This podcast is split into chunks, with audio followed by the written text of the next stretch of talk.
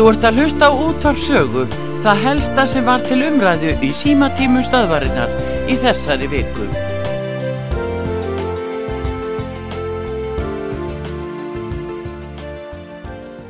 Góðan dag. Góðan daginn. Góðan dag, hver er þar? Ása heiti ég. Er ég á línunni hjá Já, þú ert í beinni útsendingu. Já, þakka þér fyrir. Ása heiti ég. Já, Nú langar mig að byggja þig um að gera eitt fyrir mig ef þú veist það ekki. já, Þetta er ekkert, þetta er ekkert stríðað neitt. Hvernig er með rúf? já. Meiga þeir þarna brjóta upp dagskrá með auðlýsingum? Nei, ekki í föstum dagskráliðum. En meiga þeir þá gera eins og til dæmis með eh, þarna Evrópukeppninni á lögadaginn? Já, já, þeir hafa nú gert þetta, eh, sko, undan bara, ég er svo lengi sem ég man, uh, alveg frá þegar bara keppnin byrjaði, hvað, 86, að uh, þá hafa þeir sett inn á milli auðlýsingar í stað þess að senda út skemmtiðatriðin sem eru í bóði. Og þess vegna eru það svo margi sem fylgjast freka bara með norsku eða sænsku eða dönsku stöðvonu því þá náðir öll, allri keppninni. Já. En þeir, þeir, nefnilega- þeir mega ekki gera þetta. Þeir stramtilteki mega er ekki dagskrálið nei. með auðlýsingum. Já, mér er nefnilega datta í hug. Mér datta í hug. Þetta er eina sem mér hefur leið á hjarta. Þannig að, að því að þeir fá, fá nú nógar margar miljardar til þess að reka sjónvarpið og útvarpið. Já, já, þeir Mm. geta það nú alveg, þannig að, en það er líka afleitt sko að rjúfa dagskrálið uh, af því sem að það koma fín skemmtiðatrið inn á milli og þá allt í einu bara dynur yfir Ísland bara auglýsingar. Skilur, það, það er svona, Já, þannig að þessin er svo gott að líka fylgjast þá bara svissa yfir og, og fara yfir á norska eða danska eða sænska sjóvarpið. Þá og svo náttúrulega væri, svo náttúrulega væri gott ef, ef þarna, ef maður vissi hvenar auðlýsingarna kæmi, þá gæti maður bara farið fram í eld og svo poppa sér eins og ég man eftir því þegar ég var út í bandaríkjónum, þá vissi maður hvenar var auðlýsingartími í sjónvarpinu. já. Já. En, já, en þú getur nokkur neginn séð það sko þegar það eru búin í svona ákveðnar eh, rásir eða sem sagt eh, eins og þeim er búið að flytja lögin og, og, og svo áðun á að fara að kjósa og annað þá, og þá veistu það svona nokkur neginn að þá koma Já. auðlýsingar en, en það er nú einmitt, það er nú svona sniðið að segja frá því að hér í eina tíð þá þá var orkuveitan eh, sem var og hétt að þá letu þeir mæla þetta hérna á Íslandi eh, hvernig það, þannig að þeir voru að aðtuga með notkun á vatni og köldu vatni. Og Já. þeir sko sáu það þannig að þegar að kannski klukkan hálf nýja kvöldi þá var gríðaleg aukning á uh, notkun á köldu vatni. Þá sáu þeir það á sjómanstarskroni þá voru auðlýsingar þá hljóð fólk sko að þangað og þannig að orkuveitan fylgst mjög með uh, notkun á köldu vatni Já, já, já. já, já þetta, þetta var bara eina sem ég langaði. Ég, þarna, hinn er sjá um stríðið og, og svona. Já, já, hinn í sjáum stríði. En þetta er allavega, en, finnst þér ekki gaman að fylgjast með keppninni, sérðu hvað þetta eru fín lög sem eru er komin í úrslit? Það. Það, það er ekki það, það er gaman að því, ég, ég Já. er ekki að segja það, en það bara þetta fer svolítið í mig, ég skal alveg við því kenna það. Já, þessi dag, sko, þetta á ekki að vera. Þetta líka Já. skemmir, sko, held, eh, sko, heldar áferðina útsendingunni á lögadaginn. Eða Já. lögadaginn segi ég, neða, það nú, þegar keppnin fer fram. Já, Já, það, Það er gerir það, svo- já, það er já, alveg. er allt í lagi, þakka þér fyrir. Þakka fyrir ása, já, blessið.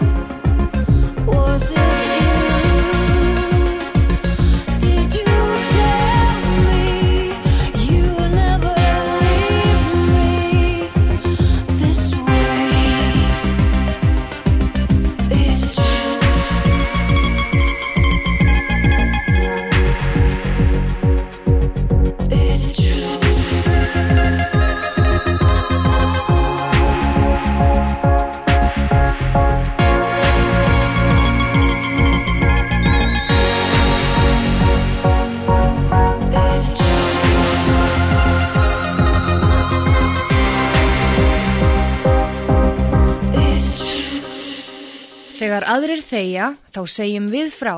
Hlustaðu á stöðina sem varar við. Útvarp saga, þar sem þjóðin hlustar og talar, 24 tíma á sólarhing. Hver kemur þar? Já, góðan dag. Góðan dag. Pétur eitt ég. Pétur. Góðan daginn út á saga. Já, er það eigilstaðir bara?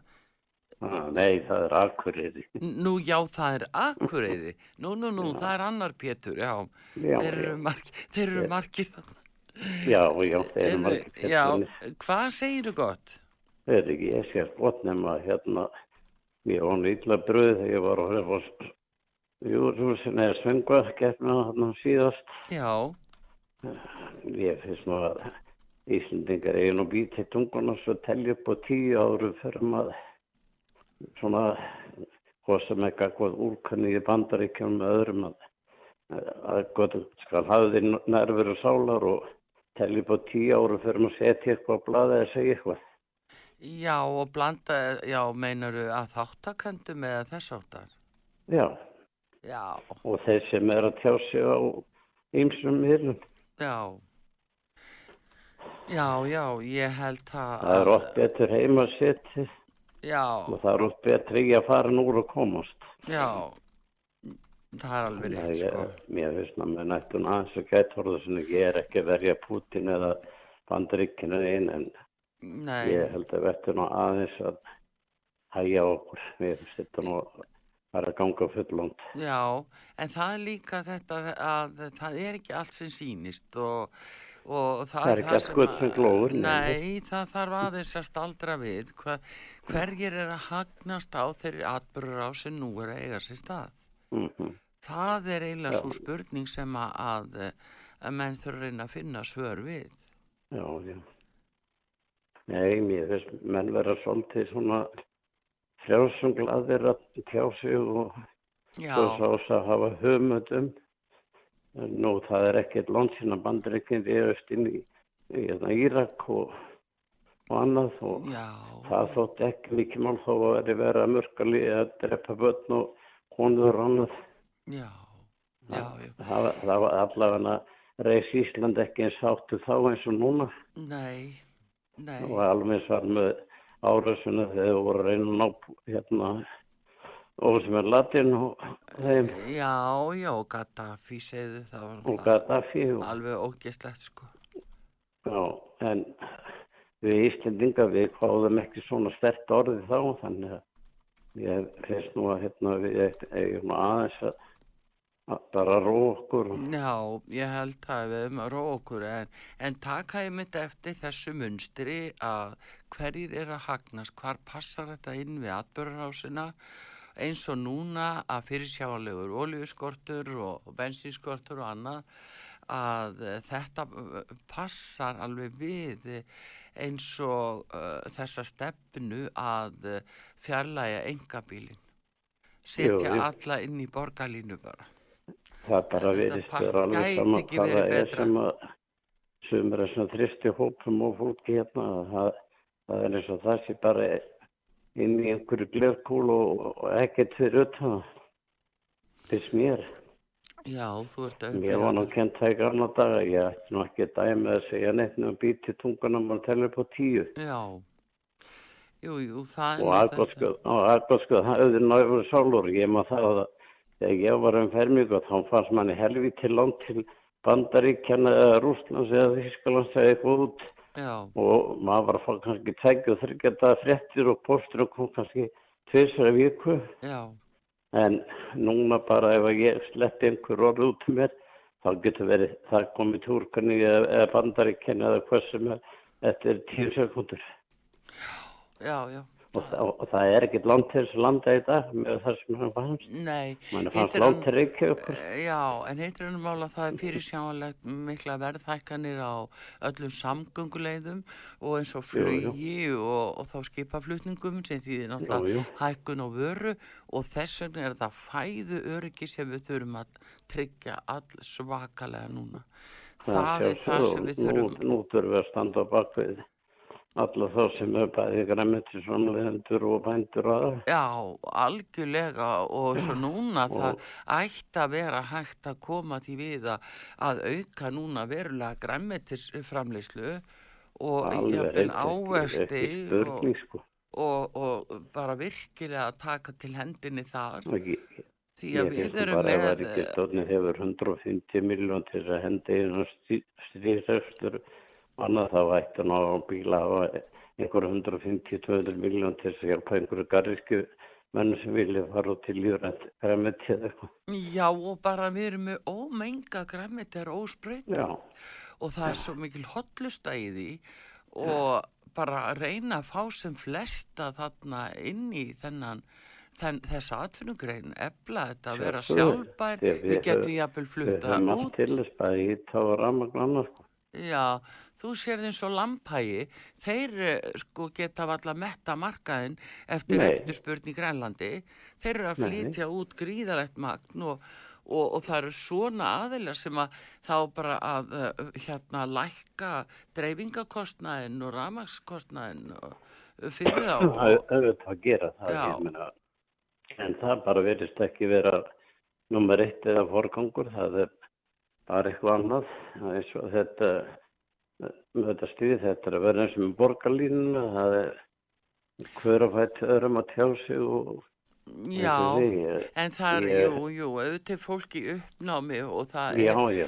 Veistu, það er líka mjög skiljanlegt, Pétur, það er mjög skiljanlegt að þetta er auðvitað skelvilegt að- að sjá saklustu fólku, ég tala nú ekki um ef það er drepirilega, heldur bara líka að, að vera á rakkólum og, og rekjast á milli, þetta er náttúrulega óbærilegt að sjá það.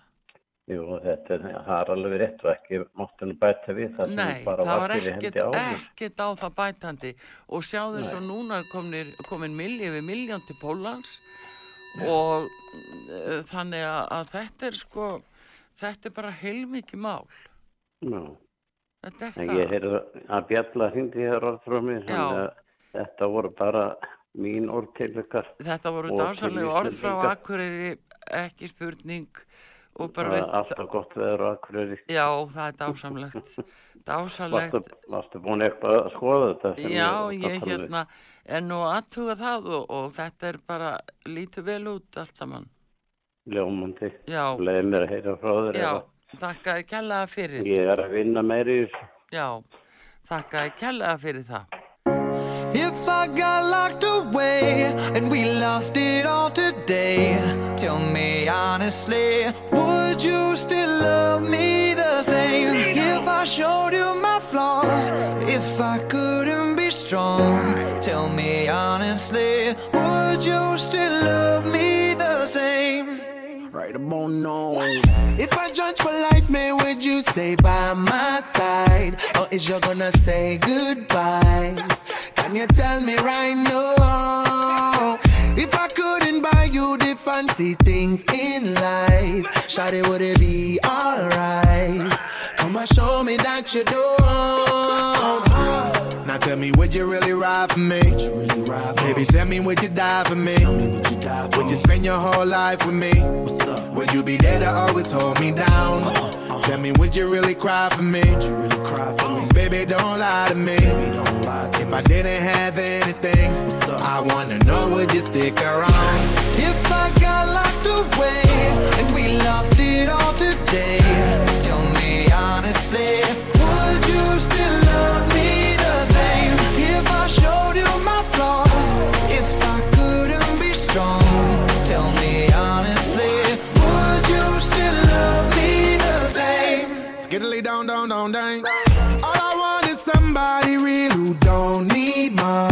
A gal I know that I can trust. To be here when money low. If I did not have nothing else to give but love, would that even be enough? Y'all me need to know. Now tell me, would you really ride for me? Baby, tell me, would you die for me? Would you spend your whole life with me? Would you be there to always hold me down? Tell me, would you really cry for me? Baby, don't lie to me. If I didn't have anything, I wanna know, would you stick around? If I got locked away and we lost it all today, tell me honestly, would you still love me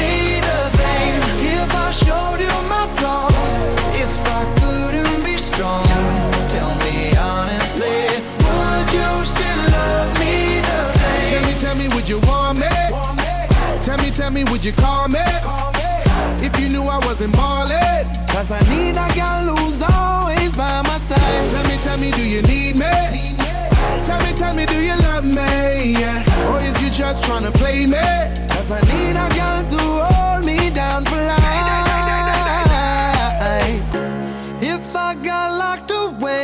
And we lost it all today, tell me honestly, would you still love me the same? If I showed you my flaws, if I couldn't be strong, tell me honestly, would you still love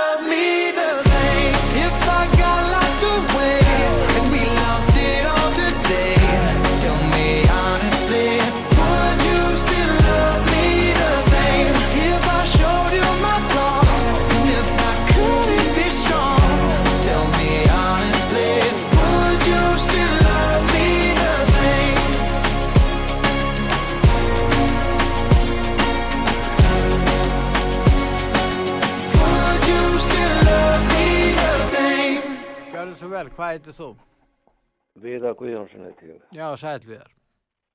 Ég hef verið mikið að horfa fréttir og óvanalegt og ég sé alltaf að glápa eitthvað. Já, En svo slæraði þetta með hann alltaf aftur og aftur heilaþóttur. Og að því að nú hefur Pútín sagt vestræn heilaþóttur. Og það má aldrei segja neitt gott um hann. Að við skulum leggja það til hlýðar. já, En ég er mikið að velta fyrir mér að því að sko ég sá þarna þegar Lavrov alltaf að tala við mannrettindaráð Evrópu þá stóðu konurnar upp og riksuðu út eins og prímadonnur og átti ekki að hlusta sko, hann átti að skamma sín og eitthvað svona. já, Og fjölmilar hafa verið núna í þó nokkur ár með Me Too á heilanum sem ég ætla ekki að segja að það hafi verið slemt verkefni en, en þetta er búið að hel ríða fjölmiðla sko fjölmiðlunum og svo sér maður hvað þetta er orðið miklar svona stórar samsteipur og, og svo kemur að þessum samskiptamiðlum með, með þannan heila þvott hjarðhegðun sem ég hef verið að tala oft um að raukhugsun og domgrænt hún kemst ofta ekkert fyrir. Nei.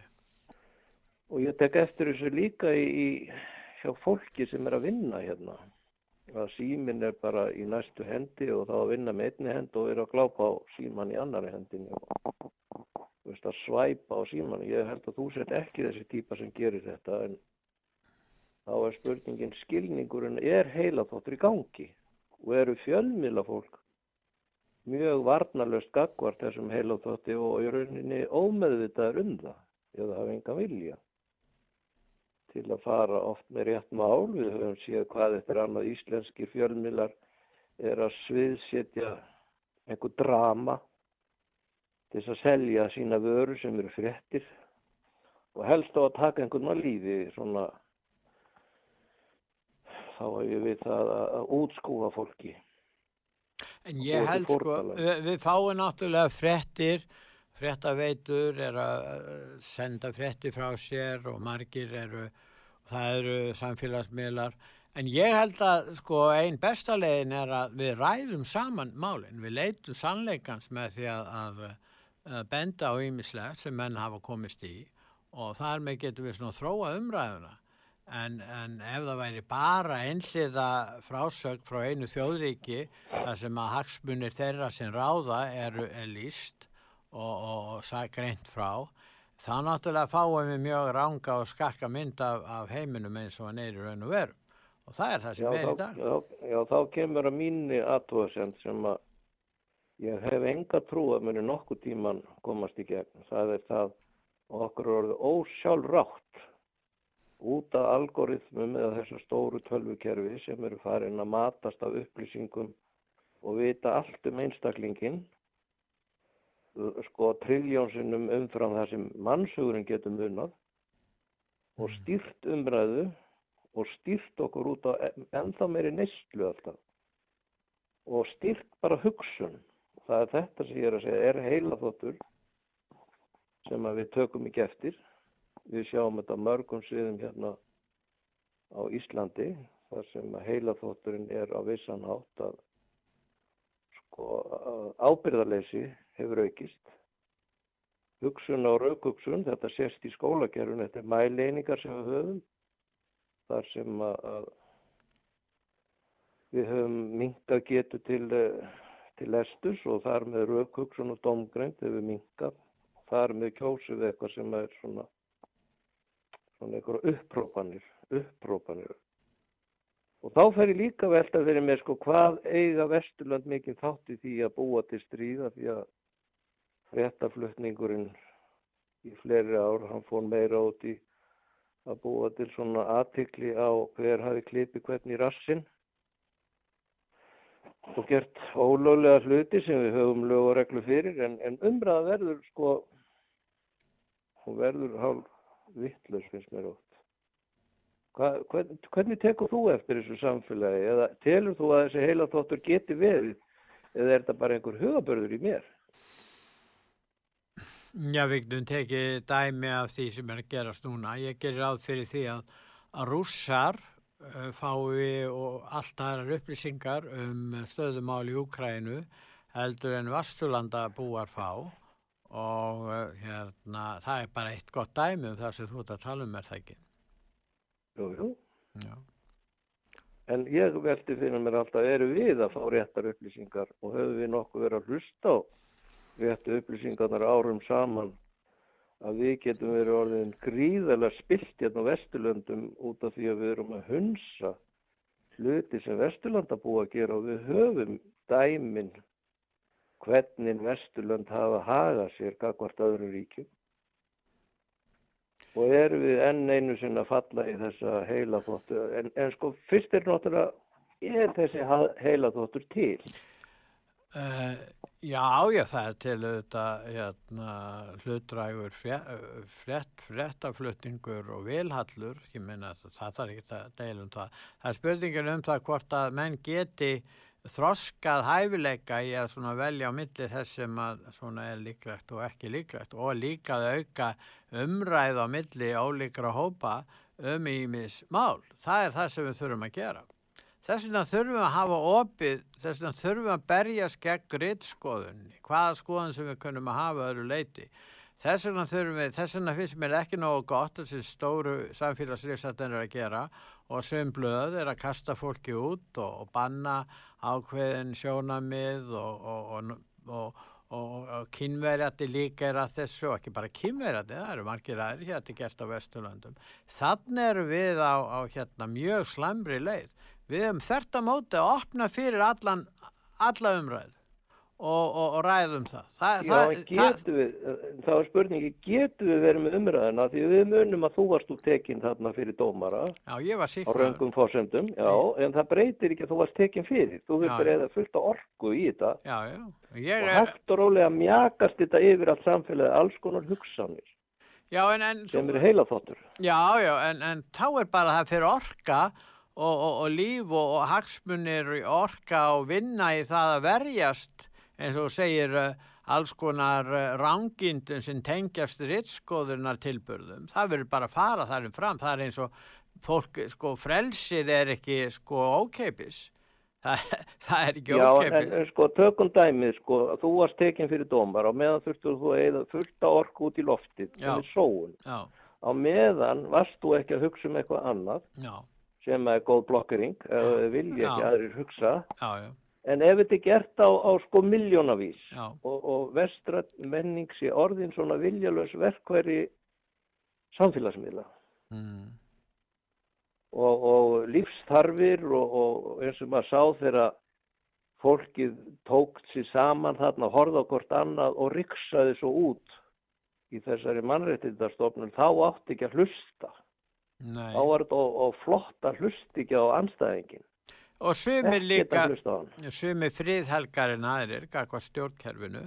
Sumir eins og til dæmi sumir frettamenn þurfi ekki einu svona að, að sæta því að, að, að sæta því að tala sér við á af hálfu löglunar þeir þurfa ekki einu svona að þurfa að sæta því. Þetta er náttúrulega fríðhelginni misjöfn meðan aðri náttúrulega hafa sig í það.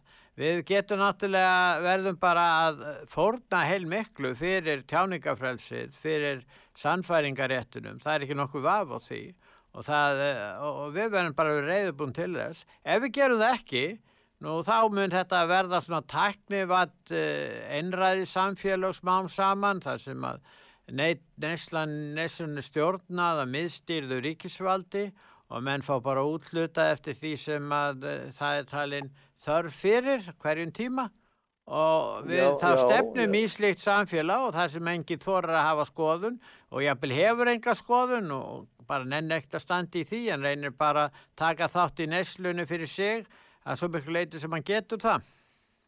Já, en þá hnignar allt samfélag. Já, já, það gerir það og við getum miss sjálfstæðið á hans að fatta Já, við missum auðvitað sjálfstæðið einstaklingur við erum að selja, við erum að selja við erum að reyna að eðilegja landbúna við erum að reyna að eðilegja hitt og þetta hjá okkur og búum til gríðarlega glundruð og ósaminningu hérna á Íslandi þetta er hlutverki sko þessa heila þóttar og þá spyr ég alltaf um líðræðið getur þjóð sem er sko hugsanlega, nú veitum við ekki ennþá er hún heila þvegin af einhverjum hugsunum og meiningum og áherslum sem kannski eru ekki eins mikilvægar og, og aðrar.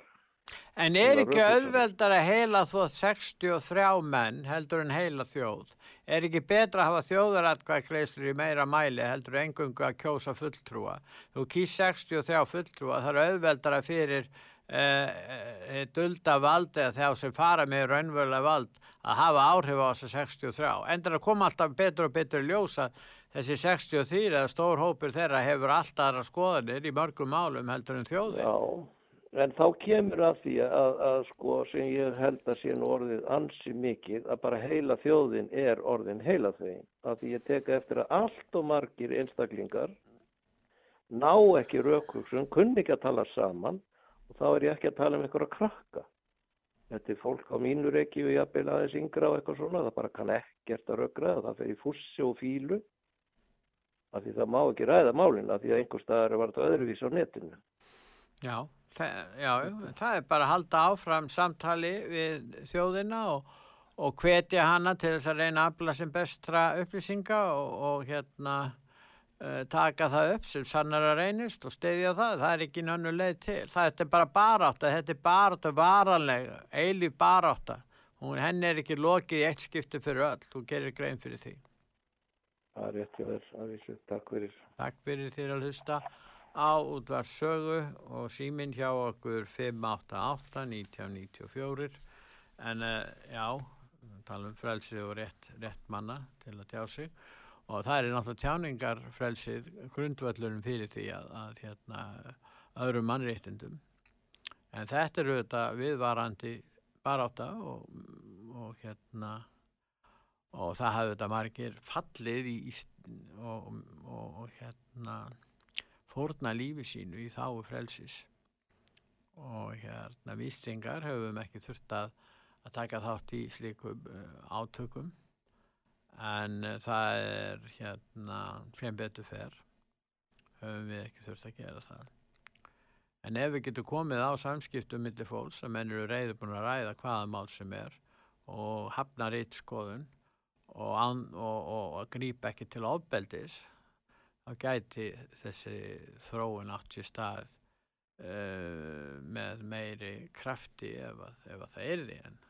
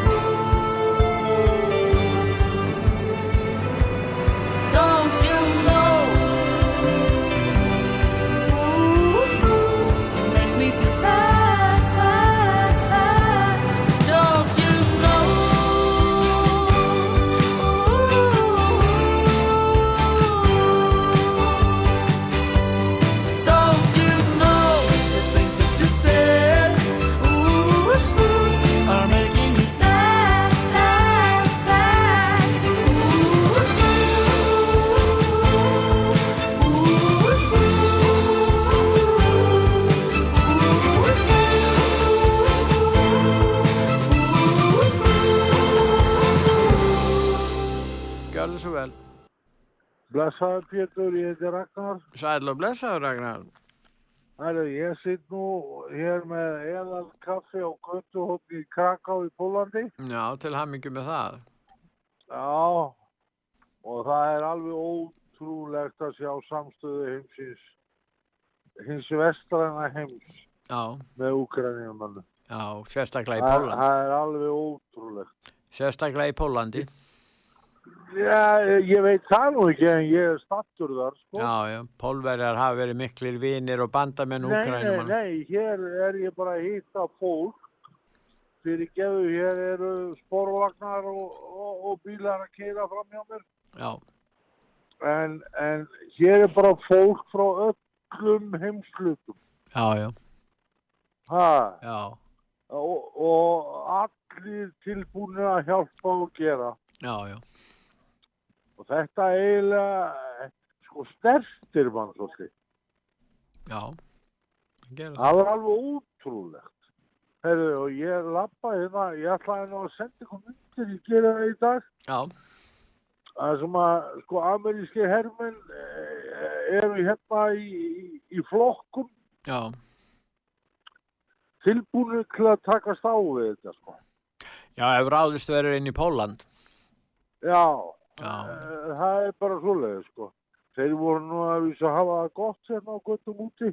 Já, Bara, og indíslegir menn eins og amerikanir eru svona heilt yfir, sko. já, já, já, já, Ha, já, já, en uh, svo fór ég morgun, í gerðmorgun, já, og ég uh, er hérna svona á fjóra stjórn á hóteli, ég hef þér það áður, ég er hérna í tannlækningum. Já, og ég hef aldrei séð annan en fjölda í morgumat vegna þess að þar voru úkrænumenn í uh, tugum, sko, já, já, já, sem fengur frýtt hótel, já, fría morgunverð og allt sem því við kemur. já, En, en sko þó að við stundum tölum um þessa innflýtjendur já, sem er að koma til Íslands og aðalega frá Afríku við erum kannski ekki alveg sáttir við þetta að þá erum við alltaf til í að taka við fólki sem er í neyð. já, þetta er raunveruleg styrjöld og þetta er uh, Já, styrjaldarást. þetta er raunverulegt sko. Já, Maður finnur það þegar maður er í þetta. Sko. En það sérðu það, Ragnar, að þeir sem er að flýja flottamenn, þetta eru konur og börn, en þegar við sjáum flottamenn frá miðasturlöndum Afríku, það er aðalega ungi kallmenn, allur þorrið þeirra. Þetta er allt öðru vísi ströymi flottamenn. þú, ég, ég ætla ekki að dæma sko. Ég er ekki að dæma, ég er að lýsa að Já, ég er að segja það, ég ætla ekki að dæma neitt, en eh, við, vitum þetta báðir, ég og þú, eh, Pétur, að þetta fólk sem hefur verið að sækja til Íslands, það er bara að komast inn á sósíalinn, sko. það er bara svo leiðis. En nú eigum við að tóka opnum örmum við þessu fólki frá Úkrænu og gera þeim allt það besta. Já, það er búið að gera, undirbúa það hér og, og, og hérna að taka móti, já, minnst að kosti 1500 úkrænumönnu, ég veit ekki hvort það er verið að fleiri. já, Já, Já, já.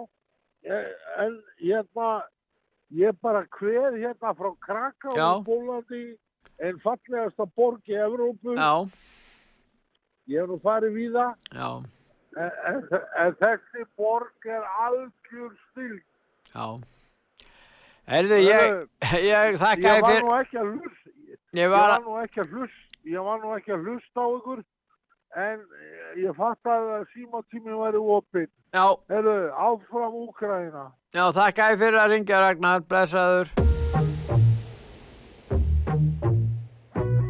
Já Ha, ha, ha, ha Bad bitch, ég gæla Tek þetta allt, ætla ekki að velja. Tökum að stað, ætla ekki að velja Við bröðmálana sem þau reyna að selja. Fíbl og fávitar fá ekki frið. Ég gefst ekki upp, ég gef ekki grið Fyrir þig í hjastanu, fer upp á svið Fæ til að snúa þessu við er alheimurinn eða karlmann Stýði bara kærasti minn, borða ríka kalla í morgumatinn En þau genga ábyrði svo gerandi minn, ey Legg saman tvo, tvo, segi eitt en ger eitthvað annað svo. Fæðum nýtt líf, færum þér nýja von. I'm the Virgin Mary, baby I'm the whore. Tökum á stað Þangað sem allt er óskrifa blað. Já, við teljum niður tíman þar til við skrifumst í stjórnurnar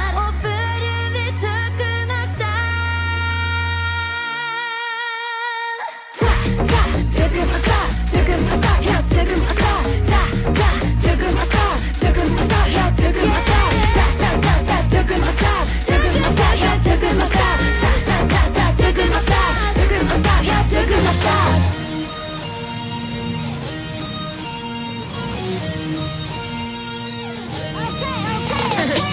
Fer upp að svið en mig langar til þó að eitthvað lið fríki Dætum ég vil hið fyllum dansgólfi Plassi er ekki á lítið Hér er pláss fyrir dróninga, pláss fyrir fríkin Pláss fyrir hotness og pláss fyrir lítinn. Pláss fyrir okkur sem tók allan skítinn Pláss fyrir það, pláss fyrir bítið. Þeir elska okkur einar En þeir hata okkur saman Já, tökum af stað, eigum sviðið og tökum af stað. Notum rættirnar, tökum af stað Tökum af flassið og tökum af stað. Það kompa kimmin á spekka Viltu bita, ekkert að þakka. Mættar á dansgólfi, gólfið er margir Tjókar í tríti, það verður að morspið Fokkur, sneika, ekki haldi svo lofti. Ég og þú og stelpa mín poppin Sjokki, þegar þið sjáu sá borspil Strotning, tekur ykkur með mér á toppin Tökum af stað Þangað sem allt er óskrifa しまった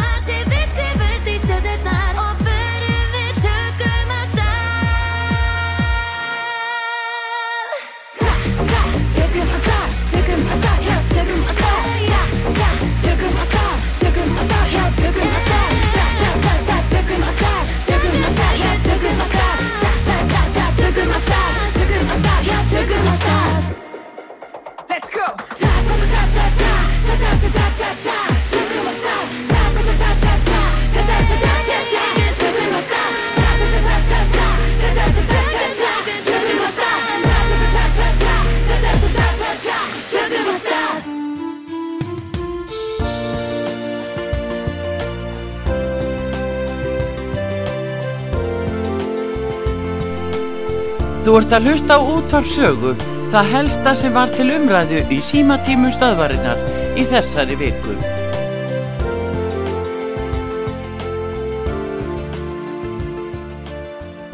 Komið þér sæl aftur, símatími hér á útvarpsögu, Artrúður Kallstur og Pétur Gullausson mættur. Góðan dag, Pétur Gullausson. Góðan dag. Velkomin, velkomin til leiks. Já, þakka þér fyrir það. Heyrðu, það er auðvitað, fólk er auðvitað mjög slegið yfir ástandinu í Úkrænu Já. og uh, það er alveg sama hvar er borið niður, hvort sem að það eruillendi fjölmilar eða erlendir, það er bara verið að fjalla um stöðumála. En kannski góðu fréttinnar ef er hægt að tala um einhverja góða fréttir í þessu, þá virðist nú það benda, uh, margt benda til þess að uh, að rúsa séu eitthvað að hæja á sér hvort að það sé út af þessum samningavirðaðum sem að, að standa yfir en uh, það er náttúrulega þeir hafa verið að lofa að útgöngu leiðum fyrir íbúa á ymsum svæðum og hafa jafnvel ekki staði við það og hafa verið að beina fólki þá annarkur til Kvítarúslands eða til Rúslands eh, frekar en að hleypa því til Pólans Eh, eh, fólk vil nú ekki fara þann. Nei, og það er náttúrulega óanæg með það en, en það er eh, hins vegar verið að, að hérna svona að reyna aðeins að eh, skorða þetta af og, og utarrikiðsáþrar bæði eh, Rúslands og Úkrænu munu hittast nýri Tyrklandi og það er nú kannski von til þess að þeir nái eitthvað saman um að eh, finna lausna á þessu. Því að nú hef, hafa rúsarnir í mitt svona tala því máli að þeir muni loka á allt eh, gas yfir til Evrópu. Og það eru auðvitað alveg skelvilegt ef, að- ef að það gerist. Að að rússarnir gerir það? já, Ja, ef að hóta því. Í mér, mér skilst að Evrópa og Bandaríkin ætla að loka fyrir kaup á gasi og... Jú, olíu. en þeir eru bara illa settir með Jú, það núna. En rússarnir hafa þá engan gjaldir, þeir geta þá selt. á- Þeir selja bara á Kína. Þeir eru Já, komnir þeir með- eru nú þegar þannig að... Já, þeir eru konið með digital peningakerfi við Kína. Já, já, Þannig þeir, að- þeir, þeir selja ekki, þeir, það er miklu meiri sala til Evrópa. Já, já, en sem komið er með 40% yfir til Þýskalands. Já, 100% af gasi held ég til Ítalíu. Það En svo heyrir maður að því að sko rússa sé að flýja Rússland yfir til uh, Íslands. Til Finnlands. Og Finnlands, jafnvel, já. Og nú er Finnland að, jafnvel, að sækjast eftir því að Að fara í NATO. Það er NATO, það var Já. gerðin könnun um það og þetta voru háar tölur í könnunni sem benti til þess að finnska þjóðin vildi, vildi verða aðili að allarsasbandalæginu. Þetta búið hlutlaust þjóð lengi. Já, svíjarni líka. Gerði samning, það var, já, já. En þá endar það kannski þannig að fjórar nýjar þjóðir bætast inn við, bætast í þennan hóp NATO-ríkja, það verða Svíjar, Finnar, Georgia og Moldova. Já. Moldova. Það gæti enda þannig. Já. Og þá, þá er náttúrulega ekki þessi herr leiðangur hefur ekki náð árangur. Ekki það gerist. En þetta eru bara svo óljósar, uh, þetta eru óljós, óljósar fréttir og auðvitað veit uh, svona fólk almennt ekki kannski hvað hangir á spýtunni þá alveg eftir enginn. eftir að svona komast betur til boss í því öllu saman. En þetta er svona það sem fólk er auðvitað slegið yfir og er að ræða mest svona aðal umræðefni en ef maður hins vegar einblínir á það sem að, að gerist hér innanlands og áhrifin á Ísland þá er það auðvitað sko eins og morgunblæði er að benda á í fórsíðu núna, á fórsíðu núna að þeir eru að benda á eh, hækkun á, á flugvila eldsneiti og það þýðir að, að þá er náttúrulega verð á vöru og auðvitað öllum ferðum það ríkur allt upp úr öllu valdi og það eru hugsalegast þá spurningar um uh, viðbröð íslenska yfirvalda að uh, tryggja uh, bara eigur fólks þér einstaklinga, fjölskyldna, fyrirtækja og gera ráðstafanir. Já, og núna er mikill áhugi á að ganga í NATO eins og vorum að tala um. Já. Og nú er enginn sem talar um Ísland úr NATO. Það heldur frekar Ísland í NATO. Já. Og svo er enginn að tala um, svo er verið að tala um að fá hérinn hinga aftur. Já. Ég er ekki betur en að formaður viðræsnar hafi svona verið að tala um að undirbúa meiri viðveru hérna Já, bandaríska hersins á segið, eða hvað sem, velja, hvað, hvað sem valin verður staðið fyrir þá. Já, já. en það, er- jú, jú, það er náttúrulega nokkuð ljóst og ég er búin að vita að það er svona að hafa fréttir af því nokkuð lengi að það sé búið að vera í undirbúningi og utryggisáð þeirra átti mitt fund með blinkan uh, um daginn, það er svona fyrir einhverjum vikum síðan og þá svona fannst mér einhvern veginn að væri búið að leggja þessa línur og það sé ekki jafnvel endilega bara suðu frá heldur að það sé fyrir norðausturlandi líka. Já, fyrir norðulegina líka. Já, það, vegna þess að nú er uh, mikið uppnám þar af því að rússar fara með formensku í Já. norðurskautsráðinu og þar er náttúrulega uh, heilmikið uppnám. Svo þetta er, þetta er svona þessi tímar en, en það er ekkert gott fyrir okkur að fá herin eitt hérna núna. Það er bara alls ekki gott fyrir okkur Íslendinga. Það verður bara að Já. segjast þessu er Nei, þetta setur okkur í allt og erfiða stöður. Við höfum að geta aðeins uh, róa okkur niður. Erfiða stöð, við förum, ekkert, eh, við förum bara eftir því sem að bandamenn okkar já, skipa okkur fyrir já, í þessu málum þannig að það skiptir nú litlu máli ég sé er ekki að þú út frá því sjónum með já það Hvernig er- hvort við draugum meiri hættu tinga sköpum sko, hættu ástand hér á Íslandi í meira mælu hér er, jú, það er líka kannski augum uppi að sagt svona helbriður skynsemi almennir þá ætti það nú að vera en við erum hvað sem er komin á þennan hérna, svarta lista hjá Rúslandi í dag já, já þannig að uh, við erum komið þanga. Já, en það var alveg fullkomin óþarfi. Við hefðum ekki þurft endilega að fara þar inn. Já, já. En það er svo annar mál. Það er annar mál, já. Já. En við erum fámenn, en, uh, en það er aðalega bara að okkar ráðamenn uh, sko gæti að uh, þjóðinni og, og, og bara eins og ég segi heimilunum, fjölskyldunum og fyrirtækjunum. Það er nú það. En er ekki rétt að velja lægi þarna, ég er nú ekki sérfræðingur í Eurovision eins og þú ert, Töður. Nei, ég er ekki sérfræðingur. en hérna, en það er lag með hækkandi sól. Já. Ekki bara spila lagið með Og hver, hækkandi sól. og hver flyttu það? Það er Sigga, Beta og Elín. Já, það er sýsturnar. Já, já, systurnar, já. já. Það Sigga, Elín. Með hækkandi sól. Mér er sagt um þetta svo frábæra söngur núna Ellen Kristjánsdóttir sem móður þeirra. Já. Mér er sagt það. Þetta er svolítið skemmtilegt en hérna við sjáum að, að það getur allt gerst. Það er ekki verra. Þetta er, já, nei, það er Það ekki er ekki verra. En með hækkandi sól, skulum heyra þetta lag Já. og, sérstaklega gott að, með þennan texta með hækkandi sól. Já, vonu það besta.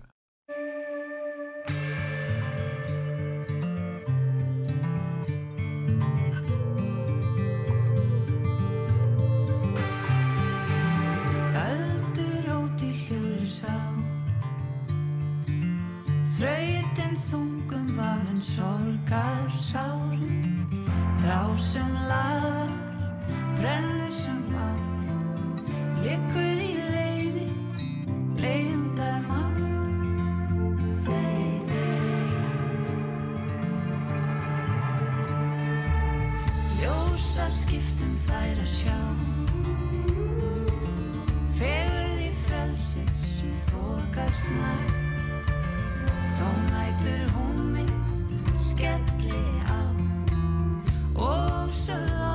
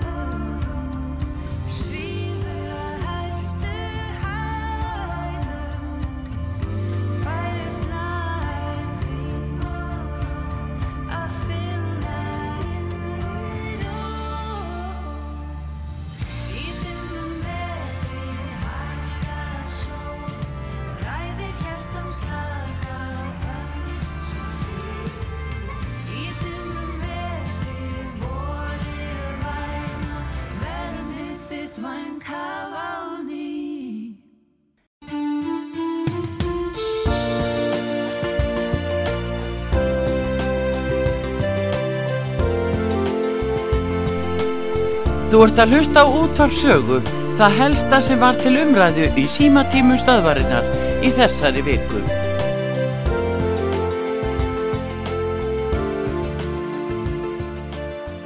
Gjörðu svo vel, hvað heitir þú? Já, góðan daginn, Guðmundur ég. Sæll, Guðmundur? Það verður aldrei sagt nú ofta að það er mjög, mjög mikið fóskilið fyrir að halda upp í opinni umræð. Það, það er, það finnst mér vera uh, svolítið mikið líkilatrið á svona, svona eins og critical moment, þess að þetta, Já. sem að bara heimurinn er í. Já, það er Það þetta, fa- það er falsfrettir og allt þetta sko, veist, þetta, þetta, þetta er svo mikilvægt. Fólk áttar sig ekki á því hvað þetta er mikilvægt. Þetta er bara, þetta stýrir hugsunum hjá svo mörgu. Bara áróður og, og lígar og annað. Já, við reynum bara- að hafa opið hér hjá okkur og, og gera vonandi það, að minnskust einhverju leiti. Já, mér, mér, mér finnst það, þetta bara ætti að vera stærri stöð. Það þurfti bara að vera stærri stækka og maður þarf bara að halda áfram að hérna, gefa í sjóðin og annað sko. En, en svo, svo, það, það er náttúrulega sem brennur á öllum núna. Það er, ég ætla ekki að segja sem betur fer komið eitthvað annað en COVID. Maður segir ekki sem betur fer við svona lögum sko. Nei, En, en, en hérna, uh, sko, hvar eru allar þessar rattir sem að, hérna, er að tala gegn stríðinu núna? Hvar eru þær rattir búin að vera síðsluðum 20 ár? Það er búin að vera ríkjandi stríð þetta út um allan heim. já, Bara, bara, sko, þú veist, þú getur bara snúið, sko, þú veist, með svona mattlíkan, sko, sem er hægt að snúa, þú getur bara snúið og bent, sko, það er líka við örugt. Það er sér búið að vera stríðar nýlega, sko. Þetta er bara, allt í hennu núna eru allir, þú veist, þetta náttúrulega snertir kannski okkur meira. já, Það snertir okkur svo rosalega lítið ef það er verið að sprengja allt í tæklur í Sýrlandi eða Afganistan eða, þú veist, eða, þetta er svona, ég er ekki að segja, ég sé, ég, ég er alls ekki að tala með stríðinu, sko, eða nei, þannig. nei. Ég er bara bend, ég er bara bend á þetta að það verða svona, sko, bergmálshellar, sko. Allir eru sammálu um þetta, en, en, en hvar voru þessar rattir þegar það var verið að ráðast inn í önnur lönd? sem voru líka líðræð. Ísland samþykti á sínu tíma að fara inn í Afganistan, það voru saminu í þjóðurna sem samþyktu það á Já, sínu var það tíma. ekki Daví Olsson og Hafn Já, Ásgríms það- sem að það var það í- nægilega í skjóli nættus? Það var, já, það var Íraksstríðið. Saminu, já, já, Írak- þjóðurna samþyktu aldrei Íraksstríðið. En það gerðir valdi Afganistan og við erum í Atlasasbandalæinu sem að tók þátt í hernaðarátökum í Líbíu. Og það var hann Hillary sem var þar á fullu. Þannig að við Íslendingar erum ekki alls saklausir af, af hlutdelt og, og taka þátt í þessum málum. Og, og mér finnst að við ættum að hafa skýrar í stefni að þessu leiti og, og við höfum haft á stefni að vera í Atlasasbandalæinu, punktur. Engan her, tökum ekki þátt í hernaðarátökum. En við erum svona smám saman að hverfa frá því. Það, það, það mætti nú heyrast meira í sko ráðherranum okkar með þetta. Hún er anstæðingu NATO þegar það skiptir ekki máli Já, en þegar það skiptir máli þá er hún með NATO. þá vill hún að NATO veri í Ísland. já, já, já, þá veit hún að NATO sé með. Það, þú veist, það er ekki hægt að spila þannan leik. Þú getur ekki verið að selja atkvæðin út á það að berjast gegn einhverjum öflum sem þjónar skilirðislaust. Þetta er skilirðislaust bara skipun, þið eru með okkur eða þið eru á mót okkur og við viljum náttúrulega ekki hafa bandaríkjumenn á mót okkur. Þú getur ekki ætlast til þess að tryggingafélag greiði tjón eða þú er ekki greitt yfirgjaldið eða sóttu meðlumur í því.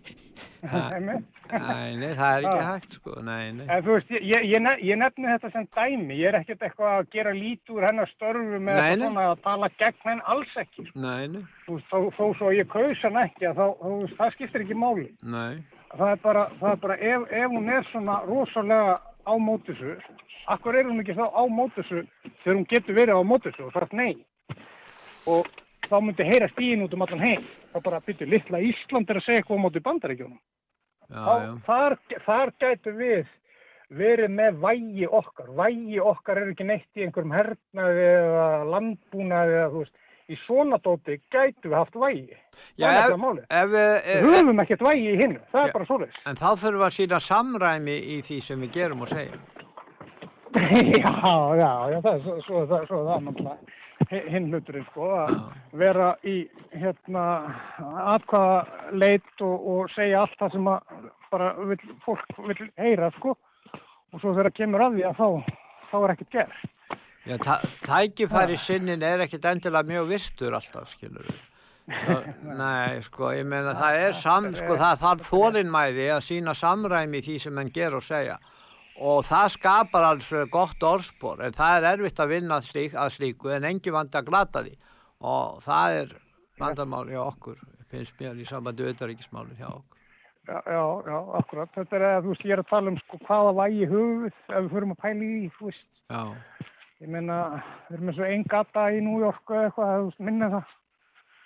Þú veist, líku. En ég þakka þér fyrir að ringja til okkar. Takk, kærlega fyrir sem leiðis. Takk fyrir.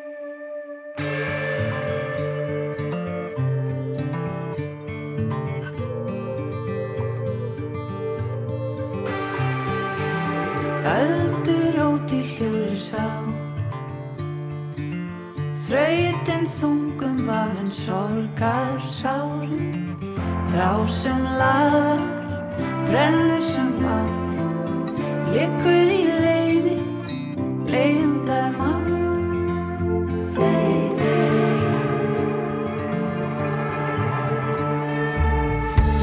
Ljósar skiptum þær að sjá. Fegurð í frelsi sem þokast nær. Þó nætur hún mig skelli á. Og sögð á hugan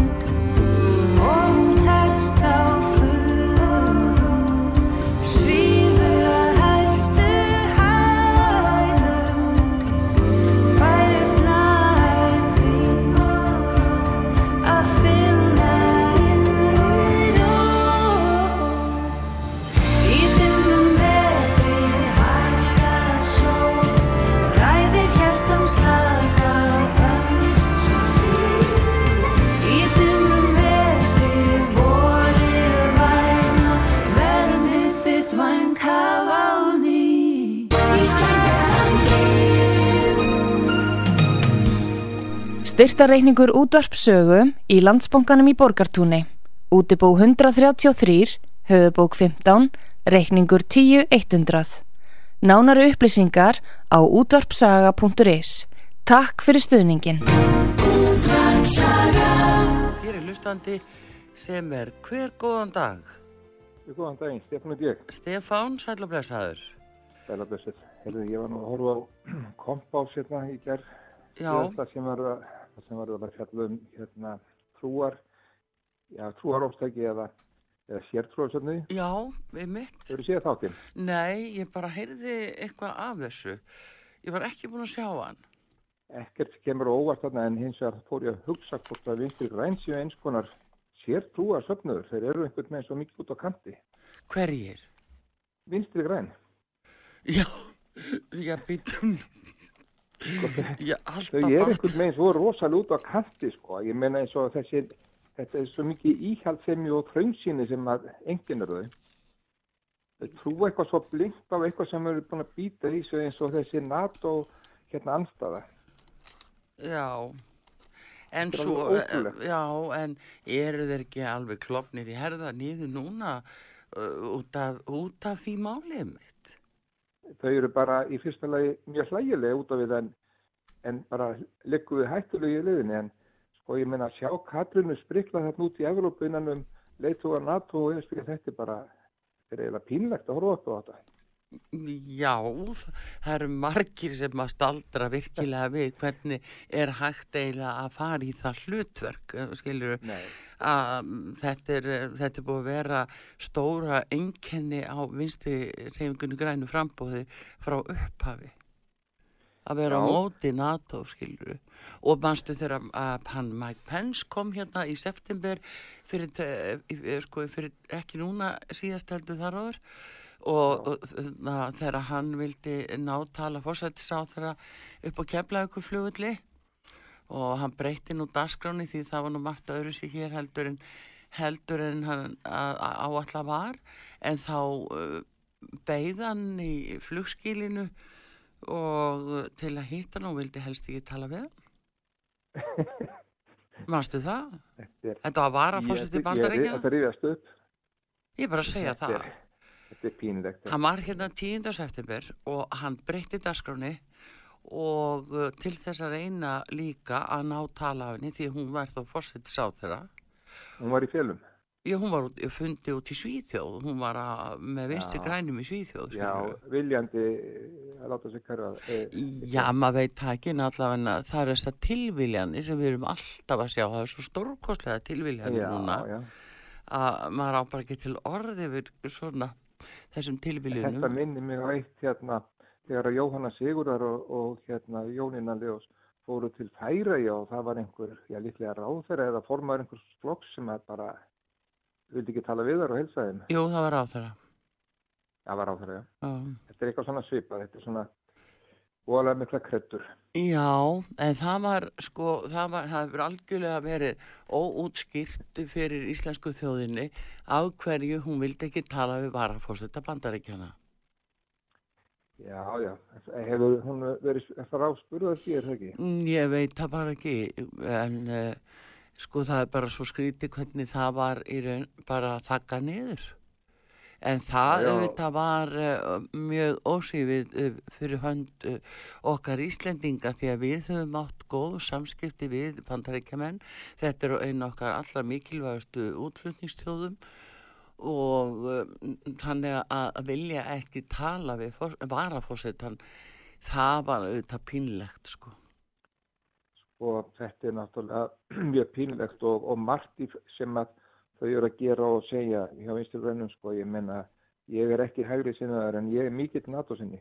Já, og ég meina ég líti á þetta sem varnabandalag já, og ef að þau að ströggla alltaf á því sko að þetta sé hernaðarbandalag þá er það bara eitthvað sem að hvað ætla- ætla Ísturgræn að gera ef að ef enginn er til að verja okkar litlu eithjóð sem er svona mikilvægt, mikilvægt staðsetning? Já, hela þessi eina, fyrir enn já. En svo hef ég líka tekið eftir því að ef maður horfir á alþingis, eh, hérna, eða beina útsendingu fyrir alþingi, Já, hvað Katrín og Svandis eru búin að hérna, temja sér alveg rosalega að, að svara ekki beint. Þetta er sérstök tækni sem þær eru búin að búa til. já, Já, ég veit ekki hvort að þú horfir á alþingi, en ég horfir svolítið og hérna. Og þetta, Katrín er alveg einstak, einstaklega, hérna, náttúrulega flugreind, en einstaklega lægið með það að, fara í, kringum allar spurningar svona. já, já, já, Svandís er búin að taka þetta upp eftir henni og jú, jú, þetta það er er náttúrulega því að þær eru alltaf í vörn sko. Já, og þetta er vandinn náttúrulega við ymmit ráðamenn. Það þegar þeir eh, er ekki nógu hreinskiptir við þjóðinu. Þetta er mikið, mikið vandamál að leita að, að fólki sem er bara hreinskiptið segir bara strax satt og er ekkert að fara í félum með neitt. Það Svo er ég spekul reyni. Já. Spekul reyni í sambandi við vinstakræðin sko. Þeir eru verið að tala um að þau standi ekki við lofur og svona. Ég er nú bara, ég var nú að fylgjast með fyrir kostningarna síðustu sko. Voru þau að lofa einhver yfir höfuð? Jú, jú, það voru náttúrulega, það voru náttúrulega loka kostningalofurðin, en fólk er nú kannski svona, nei, fólk er nú kannski svona meira farið að, að stinga því undir stóla því það veit að það kemur nú kannski eitthvað ekki alveg allt upp úr, upp úr kassanum. En hins vegar gleymist það nú kannski að vinsti grænir þeir töpu umtalsverðu fylgi og meðal annars í kjördæmi fórsættisáþra það verið að segja okkur að hún væri svo vinsæl og hún væri vinsælist í stjórnmála maður þjóðarinnar og það var komin einhver gallum tala upp og ég veit ekki hvað en svo var tapað hún manni í Reykjavík Norður Ég heldur að það er mest fylgi hjá stuðnismunum sjálfstæðisflokksins, sko. Það held ég. Já, þú meinar. Já, hún er, þú sér það, hún er, sko, Bjarni er langt undir kjörfylgi í vinsaldum Já, fyrir að vera að gera mæningar. Já. Ég sýnist hann alltaf vera undir kjörfylgi og fylgið er hjá Katrinu, hjá sjálfstæðisflokknum. Þeir treysta henni betur. já, ég Mér veit það. nú Ég veit ekki hvað viðar myndi segja um það, en Nei, nei, ég held nú að Bjarni eigi mikinn stuðning í sínu flokki, sko, en, en það eru það er nú líka klófið flokkur. Já, það er, er fyrir að verða sínilegra núna og, og sérstaklega er það endurspeglast aldrei í borgarstunarkostningunum að það er bara að koma, já þetta er spurningin um hvort að fólk ætla að fara inn í globalisman eða ekki. Nú sjálfstæðismenn að gera það. manneski að setja á móti hildi og hún að alda. Já, og það er hinn, hinn armurinn eins og hann er kallaði guðlöfsarmurinn já, og svo segja sjálfstæði, eða svo er sagt sko að hildur er flokks, fulltrúi flokks, eigandi félagsins. Og uh, alda er fulltrúi guðlöfs og kó en ég veit svo sem ekkert um það en þetta er það sem við tala um.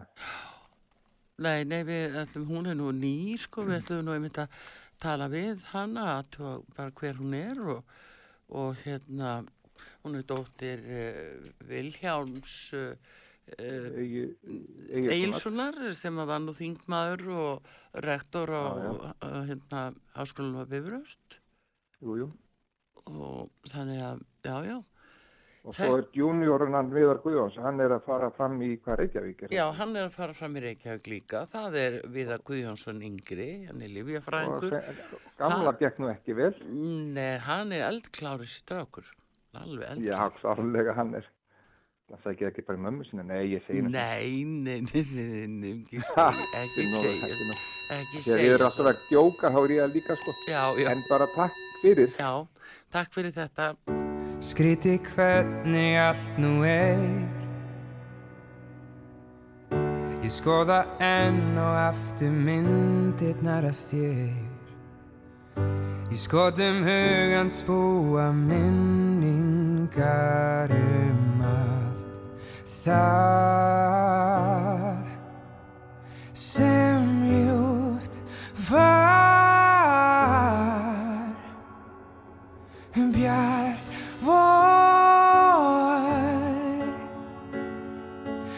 minn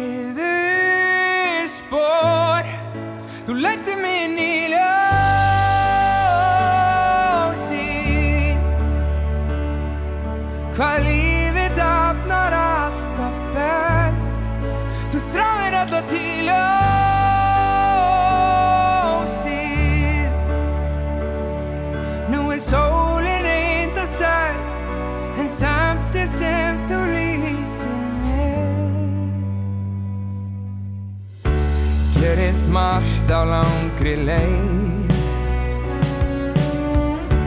Líka sumt sem getur valdir einhver reið Það veldur þanga við sem vera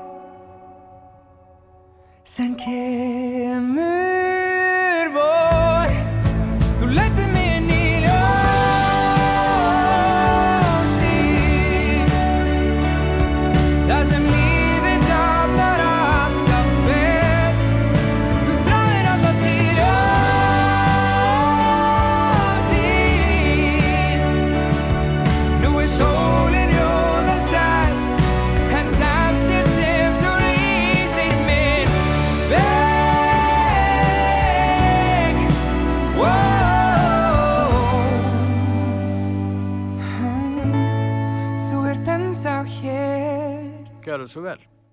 Góðan daginn til þér, Andris heit ég. Sæl Andrés. Eitthvað síðasti viðmælandi hann var að tala um spillingu í Úkrænni. Já, Hún er undar víða, já. alveg örgulega. Rétt, já, er Og kannski hér líka og örgulega í Rúslandi, Já, alveg já. pottet. Já, já, En ég hlusta á hann að ás eitt í morgun, já, árið þegar farið í loftið. já, Það var viðtal við hann hérna Árna Sigursson sendiherra já, í Rúslandi. Það er ekki Moskvu, send... Hvar er... Moskvu, já, já, þeir eru í Moskvu, það er rétt. Já, og þeir, hann var spurðu hvernig lífið væri hana, bara, af því hann er náttúrulega býr þarna núna bara, hann er komin.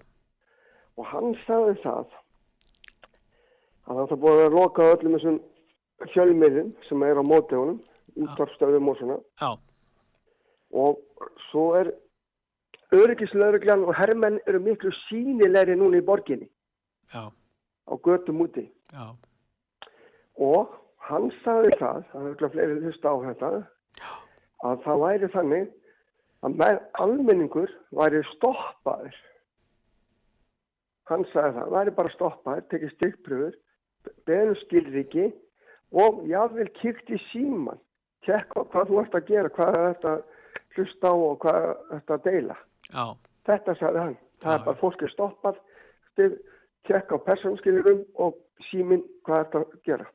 Ég sá það í gær í gærkvöldi, þá var búið að handaka um all landi, þar við að verða mótmæla, 4600 einstaklingar sem hafa verið handteknir til að mótmæla. Er náttúrulega áhætta að mótmæla þarna núna eins og staðin er núna eins og þú lýsir þessu. Við erum ekki 15 ára fangelsi.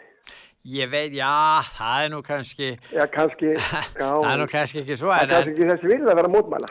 Ná, það er náttúrulega getur kosti, ég meina hvernig sé það er og, og, Pussy Riot sem eru nokkra stelpur þarna, þær voru nú að, að, að mótmæla, hérna einn þeirra kom fram í fjölmiðli, ég veit ekki hvar hún var stödd, en uh, þær hafa nú verið að mótmæla og kannski ekkert endilega allir sammála þeirra viðhorfum, en þeir eru að mótmæla þessu sem er að gerast í Rúslandi núna og þær stiga fram líka á samt fjölmörgum öðrum sem er að gera það. Nú uh, stjórnvöldi í Rúslandi segja hreinlega að þetta séu fámennir hópar og, og gera kannski lítið úr því allir saman, en nú er það þannig að bæði fjölmiðlar í Rúslandi og og verndar í Vestur-Európu líka. Við, við, erum, við erum ekkert saklu sko. Við eh, af því sko við megum, eh, það er náttúrulega tilnefngi á mönnum að taka mjög einhlið afstöð í svona málum.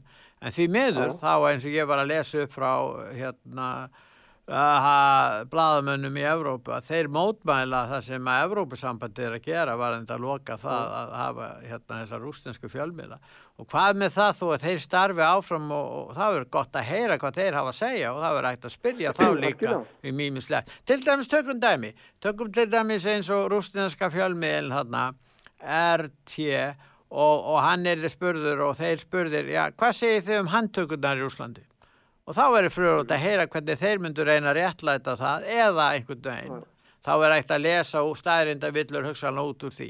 En allavega það er miklu skynsar, finnst mér. En það getur vel verið að ég sé minnilhutta þessu leiti og, og við sem viljum bara hafa op, opið og við eigum ekkert að gangi þá gildru Vesturlönd að, hérna eins og sum önnur lönd gera. Ég meina Hong Kong er, er loka fyrir fjölmiðla í Hong Kong, nei segi ég kynverjar, Pekingstjórnin er að loka fyrir eh, fjölmiðla í, í, í Hong Kong og í viða og, og hérna og sérstaklega Hong Kong var nú áttu nú að vera frjálsvæði í, í þann tíma sem þangað til þeir verða hluti af uh, uh, Kínaveldi, þeir verða það ekki, það á að vera tvö kerfi þar, það var samþýtt við brettan á sínu tíma þegar þeir letu nýlendun af hendi. Þannig að, að, að, að hérna að þetta er bara hörmuleg þróun að, að það skulle vera þrengt að tjáningafrelsinu og svo er það risa netmiðlandin í bandaríkjónum, hvernig eigendur þeirra haga sér líka og eru að útiloka fólk þar. Þetta og hvernig farið þeir með Julian Assange, það er svo mörg, mörg, mörg dæmi um þetta. Sko.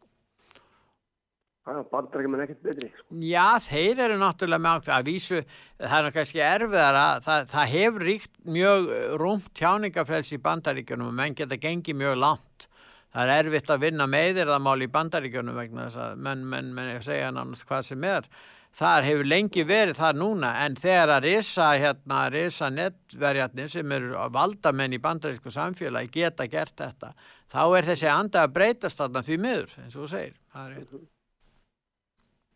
Hann var eitthvað að tala um það átni að að þeir stýra í rússanum hvert er fara út úr borginni þessi flottamenn núna sem er að streyma. Já, í- gegnum Hvítarúsland og ætla með að það en gegnum eitthvað annað. Já, já, það er náttúrulega, þá geta þær kannski alveg verið áfram í borgunni, ég veit það ekki.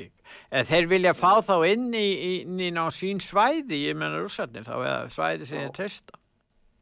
Já, já. Já, og alltaf er annars þetta fólk, alltaf er að sjá um þetta fólk, eða hvað, hvað gerist? Ég veit ekki hvernig þetta verður. Nei. Það verður auðvitað, þetta stýðið búið að verður auðvitað gríða það mikla skemmtir og annað og það þarf auðvitað að stýðja þetta En ge- Evrópusamfundi og alltaf með peningum sko. Getur verið að þeir allir núna, þeir allir að umkringja kænugar eða kýf og þeir eru að umkringja þessar borgir, ætla þeir að vera búin að umkringja, þrengja að og segja nú skulum við reyna að semja. Getur það verið að, að þeir fari þá leið og fái þá uh, Úkrænu til þess að, að fallast á með skona, já, einhvers konar uh, nauða samninga við sig eða hvernig sem það er. Mm. Já, já, en Það er þeim er spurning. náttúrulega ekki myrða þennan fórseta, hann er náttúrulega líðast, hann er kjörinn sko. Á kjörin, já, já, já, já. Já, það er að vita það og, og hérna. Já, hvað er virða vitum, við vitum ekkert hvað er alltaf virða. Við vitum bara ekki Nei. neitt um það, hvað er alltaf ganga langt og, og það er engin stefn um það. En ef það verður vopnallíð, nú er þeir eitthvað að reyna að semja, ef það verður vopnallíð og þá verður kannski faraðir að stað með því að reyna, reyna að semja. En rússarnir, hvað mun sennilega aldrei sætta sig við annað heldur en að Úkræna verði hlutlaust ríki. Já, já. Þegar þýðir það að þeir fá ekki Það er líka alveg samkjært, það það er bara, það er bara fínt á hlutis. Já, ég meina, já, það, það hefur náttúrulega gerst að Ímis ríki hafa sko, stórveldin hafa mælt með því og stuðlaði því ákveðin ríki eru þau hlutlaus. Þannig að það er spurningin um það og hvort að það endi ekki með því og það sjást nú, það er nú að vefsið okkar viðtal við, við hersauðingja þarna fyrir Vestanhaf sem telja að það veri gott að Úkræna væri sko svæði, hlutlaus svæði á milli Rússlands og Evrópu. Uh, svo deila mennum það og segja þá séu verið að skerða fullveldisrétt Úkrænu og svo framvegis þá kemur svo umræða. En, en allavega þá er betra að menn fara að tala og vonandi bara verði vopnallíð þannig að menn geti farið að ræða þessi mál. Það er eina, eina skinsamlega lausnin í þessu að fá lenda því að stríði mun ekki leysa neinn vandamál, ekki fyrir rússa og auðvitað alls ekki fyrir Úkrænu sem verður fyrir gífulu tjóni og og mátti nú ekki við því eins og la- landið er fátækt. Þetta eru bæði fátækland og ég held satt að segja að það sem mun ganga rússarnir hafi bara ekkit efna á því að reka þessa styrjöld. Það er dýrt að reka styrjöld og, og, og mjög það verður mjög dýrt fyrir þá og þeir hafi ekki aðgang að, að hérna að gjaldeyri. Þannig að ég heyrði það að þeir sem að eiga skuldabref á hendur rússum úti annar staðar, þeir fá ekki greiðslur í gjaldeyri heldur í rúblum en þeir vilja þetta ekki taka við rúblum sem er nú kannski gjaldmið sem er að hrinja núna. Þannig að það, þetta sem að kannski verður til þess að menn vilji kannski semja rússarnir að þeir hafi bara hreinlega ekkert efni á þessu. Nei. En ég ætla að leipa næsta. Takk að fyrir að ringja.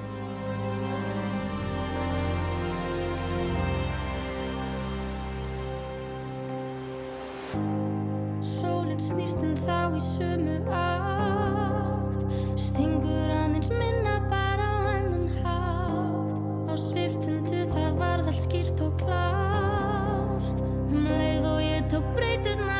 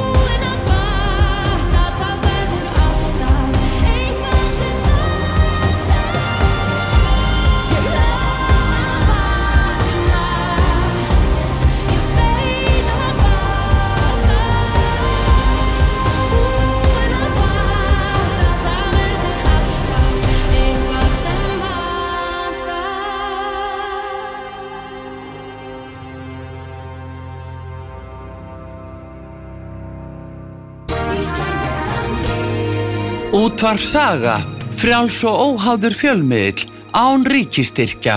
Takk fyrir að hlusta. Útvarf Saga, útvarfsaga.is Hver er þar? Ég heiti Þórður, góðan daginn aftur. Sæl og blessaði Þórður.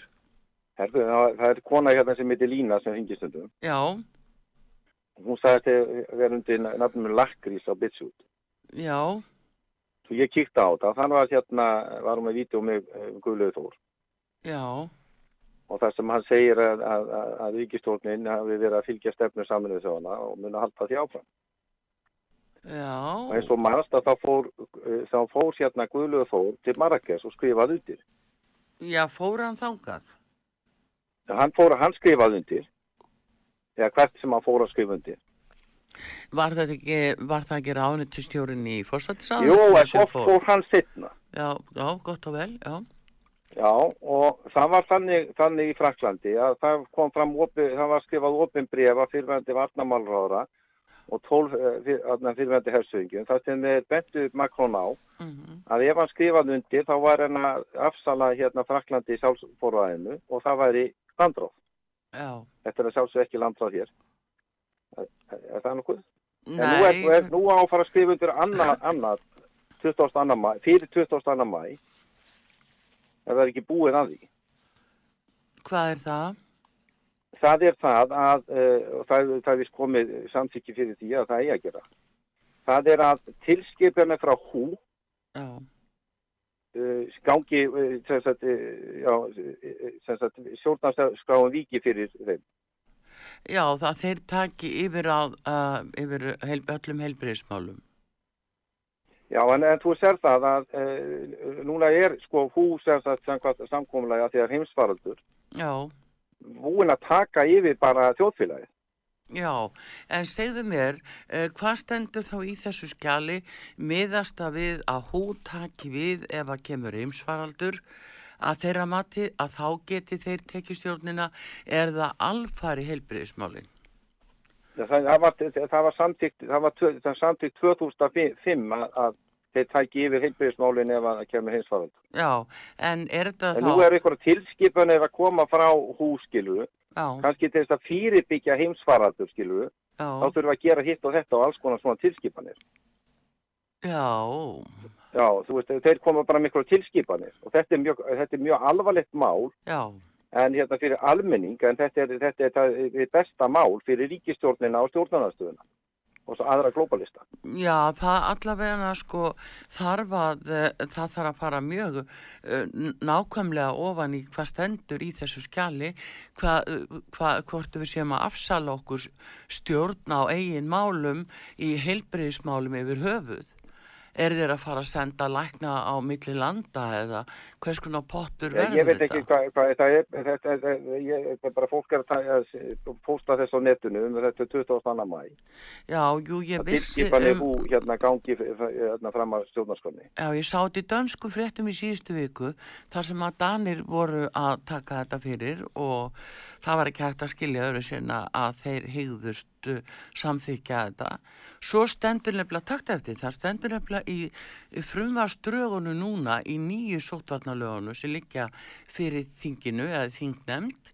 Þar kemur fram og er vísa til í, í ymsum köplum þarna þá er talað um að við færum og breytum okkar tilhugum eins og Danir geri, eins og Danmörk og ég skildi mig ekki í því af hverju við vísa í Danmörku þar til ég sá einmitt fréttinar í síðustu viku í Danmörku þar sem að þetta kom fram að þá er verið að vísa í það í okkar lögum sem er all sérstakt að sé vísa bara til ástand, ástands í öðru landi en ekki sett skýrum stöfum hvað vakir fyrir lögjafanum. Það er mjög Það er skrítið bara í til frumvarpinu. þess að svo vitum ekki neitt. Já, það virkar þannig. Mér er mjög skrítið í frumvarpinu. En uh, Ég, þetta... ég get alveg sagt þér það að ég skil ekki akkur ég sef á nóttinni með þessi sótvarnalög. Já, jú, jú. af Því ég er ógenabreyttur sko. Ha. Já, en við skulum bara um að gera, bara verða okkur út um upplýsingar og það er nú ekki alveg hægt að fela þetta fyrir okkur, segi ég nú bara. þó að þeir sé að banna fjölmila og reyna að, að loka upplýsingar að frá hérna stríðsvæðinu en þá skulum við nú bara verða okkur út um þessar upplýsingar því að það er alveg auðljóst að það er verið að reyna að breyta eh, einhverju, einhverju stjórnarháttum á Íslandi og við látum bara Já, ekki já. taka okkur svona í netið skiljuru. En Já, það var einhver sem postaði líka hérna á netinu, ég veit ekki hvað það er, að, að þarna 110. 11. greið og stjórnarskóla sem Katrin Sál lagði fram. já, Þá átti að vera ákvæðum það að alþingi hefði heimilt til þess að framvísa valdi til alþjóðastofnana og þar með viðurkennum við það að þetta er óheimilt. Já, já, jú, jú, það er alltaf verið, þetta ákvæði er alltaf, það er, þetta er stóra máli að það sé heimil til að afsala fullveldinu. Þetta er það sem máli snýst um. Já, hún er búin að viðurkenna það er óheimilt. Já, já, já. þetta er rétt að að hún hafi sett þetta í þarna og, og, og, og svo er ekki, getur engin, engin kjart eitt en eitt því að engin aðna málnum fyrir að bróta stjórnarskóla. Nei, nei, það er nú akkurat. Heyrðu, ég þakka þér fyrir. Takk, við Gangi verðum að treysta á alþingi, já, takk fyrir Þórður.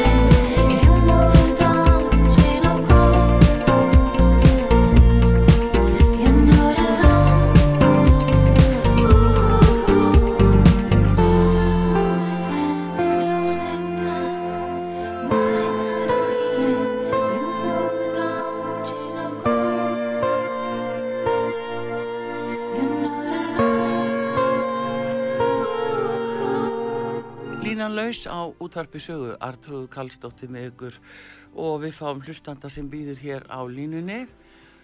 Hver er þar? Góðan dag. Góðan daginn, Ásker heiti ég að Arþúrur. Já, sæll Ásgeir. Já. Hvað segirðu gott? Herðu, Já. ég bara, ég veit ekki hvað blessaði maðurinn er að hugsa hann Putin.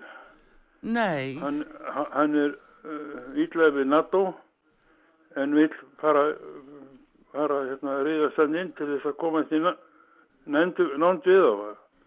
Er þetta? Já, ég, sko, Sko, það er er, ekki, hann eru lönd sem að eru NATO-ríki sem hann er að, er að, ef hann tekur Úgreinu, þá var hann bara komin við hliðina og NATO, hvað hva ætla hann að gera þá? Ætla hann að hætt, hætta, hann getur ekki hætt. hann er búin að gefa yfirlýsingu, hann, hann ætlar ekki, þólir ekki að NATO sem nálægt hún. Nei, greinilega já. ekki, hann þólir það ekki greinilega, en uh, hérna hins vegar þá held ég nú áskýra að það sé nú ekki alveg búið að segja okkur hvað er í gangi í raun og veru vegna þess að Nei, það, er nefnilega málið. Já. Og hann er, hann er, hann er sko eins og gröfin sko. Hann segir ekki neitt. Nei, allavegna okkur er ekki sagt að hvað hann segir. Við En- vitum það að fólki þarna sem er þarna, býr þarna það, í veikuburða uh, fólk sem að auðvitað, er auðvitað lítið upp í, í kæftin á þessu, þessu óreflið þarna að það er að reyna að bjarga sér. Og, og þegar ég lít svoleiðis á það þá segi ég að þessi maður hann er ekkit annað en valda sjúkur maður Já, sko, það fyrir ekki að milli mála en hérna, eh, sko, það sem er áhyggjuefni er að henn almenni rússi v- bara veit jafnvel ekkert hvað er að gerast almennilega. Það er spurning Enda um var- fréttir hjá nú, þeim. Hérna, eitt af þessu ríki sem hefur nú stuttan hérna, Kassistán, Já, þeir leiðu mótmæli já, og þar var, að- sko, þeir, þeir, þetta er að rinni í kringum sko. Ég veit ekki hvað, út af hverju maðurinn er að þessu, ég held hann, held hann vildi, hérna, frið og eitthvað svona dóttari, en, en sko, sko hann, eh, ég veit að eh, þeir eru ösnar þarna í bandarækjanum og, og Evrópu, sko, en þetta er ekki, á ekki að láta það bitna á saklausu fólki nei. sem er bara að reyna, reyna að... Nei, nei, það er líka sjáðu til eins og núna í gæra það er að berast fréttir af því að, bætin sé að senda 300 hermenn þarna yfir til Úkrænu. Þetta er eins og ólja og eld og veistu það er bara verið að starta þriðju heimstyrildin með þessu Já, hann, sko, áframhaldi. veistu það, þe- þetta, hann er að gera þetta út af því að hinn býður upp á það. Hann segir, sko, hann ætla að taka þetta og, og hérna, og hann hefur ekkert sagt annað heldur að NATO kemur aldrei til greina að NATO verði nokkust að nálat Rúslandi. En ef hann tekur Úgrænu þá var hann komin við, við landamæri ég þessum NATO. já. Ég skil ekki hvernig hugsunargang. Já, þetta er, sko, átökin snúast líka kannski um annað sem er ekki búið að segja okkur frá. Já. Að það eru náttúrulega verið að reyna að koma á einni heimstjórn og það eru, sko... Ég, ég held að sé bara eftir því sem að hann gefur til kynna, hann sé, hann sé bara búin að missa, eða sko, hvað við séð svona, er, er, farin út af uh, uh, löstateinunum sko. Já, Og komið... með þess að hótanið með kjar, kjarnokur Já, og já, þá tala um það að það sé búið að tilbúið að fara að íta á pakk, takkan Já, bara. já, þetta er mjög ógnandi, virkilega ógnandi. Þetta er, þetta En- gerir ekki maður sem er í örvendingu, ykkur skonar, Já, að en hóta hérna- svona. En hérna, mm, sko, svo er annað áskil sem við þurfum að hafa í huga, það er þetta víðara samhengi í hlutunum að við vitum náttúrulega að við erum búin að fara gegnum hennar faraldur, svo var hann blásinn af bara á einni nóttu og stríði Mhm. byrjaði daginn eftir. Það er verið að reyna að koma á Það- einni heimstjórn. Þa, það aðeins, er mál sem þarf að taka upp og skoða nýri í grunninn. Eh, Algjörlega. Hvert að þetta hafi verið bara sp leikur til þess að, að, hérna, fá fólk til þess að gera hluti sem að við, við, við að það er búið að vera að reyna að ná DNA fólki hérna. Einu. Já, en þá Já. er náttúrulega spurningin þessi... þetta er ymmit leiðin til þess að komast yfir þetta allt saman. Já, við skulum, hor, við skulum líta Fram, okkur fram nær. hjá Við skulum, öllum hérna uh, fólk hefði rétt til þess að mótmæla og, og Já, taka já, en ásker við skulum ymmit líta okkur nær hvað er verið að gera á sama tíma og Já. núna allt í henni er verið að virka Ísland með þessum hætti. Mér er sagt að við, það verði útibú frá NATO, verði lítil stöðu á Keflavík þar sem að- að NATO-vilar verða, verða með aðstöðu og þetta það er bara að gera okkur einhverju skotmarki, ég veit ekki hvort að Íslendingar séu almennt ánaði með þetta. Hvað er fólk að gera? Og hvert er heldamarkmiðið og þá segi ég, ef á að bú til eina heimstjórn, er þá verið að taka okkur bara stjórnarskrána e, e, vera, hvað, hvað þetta fólk í huga að gera? Og mér finnst ráðamenn skulda þjóðinni skýringar á æðimörgum hlutum. Og það er ekki nóg að þau séu að fara í drottninga viðtöl upp í rúf og séu þar með einhverja yfirlýsingar og, og hlæja og flissa. Þetta er ekki nóg. Það þarf sko, ráðamenn verða að mæta bara á alla fjölmila þeir verða þá að hafa opinn blamanafund þar sem allir geta spurt á. Allir fjölmilar vegna þess að það, þau verða að gera íslensku þjóðinni grein fyrir því hvað er að gerast. Við erum bara látið borga borga og borga og það er ekki eins og það er þetta að það er gefa okkur það er ekki að gefa það okkur upp tölur. hafa alltaf viljað að geta uh, gengið á fólk hérna og lá, látið að gefast upp og, og, og, og milli tíðinni þá er að reyna sælsins undir þau öll fyrirtæki sem ríkið á Já, til dæmis, svo Já. er það nú eitt Já. líka, þannig að er verið að reyna að gera bæði ríki og uh, já, einstaklinga og fyrirtæki tiltula eignalaus, er það þetta sem er the great reset sem ekki er talað um, þessi enduræsing, er það það í framkvæmt, við sjáum nýri Ástralju, þar er búið að taka alla maskinur, allar hérna vélar og sambandi sem að, eh, hafa, hafa með peninga að gera og getur ekki nota peningastæðila er það þetta sem við, við erum að býða eftir? Já, og eigum við bara að sitja þegjandi? hann hótaði nú þessu hérna, hann, hann hérna Benedikt, hann hérna, Benedikt Jóhannesson. Já? Benedikt hann Jóhannesson. vildi, vildi ekki, já hann stengur jóð hann, hann, honum fannst það algjörlega óþarfi að við værum að væri með peninga því að Var- það veri stórhættulegt Var það fólki. Steingrímur? og, og talaði alltaf um að þetta veri svarti markaður svarti markaðurinn er í, er í tölvunum. Það eru, eru ég er stjórnar af fólki ég er ekki viss um þetta hafi verið sjálfráðandi. Ég heyrði aftur á móti annan fjármálar á þeirra Benedikt Jóhannesson tala um það Já. að við ættum ekki, að væri ekki peningastælar sem ætti að vera í umferð. En ég hef ekki heyrt Steingrím segja það, en það getur verið, skiptir ekki öllu Ég kannski. Stengurum mér sagði þetta líka þegar að við áttum að vera að koma inn og kúpa norðursins og ég veit ekki hvað Já, sem var nú bara helviti slíið maðurinn á, á hverja ganga laus sko.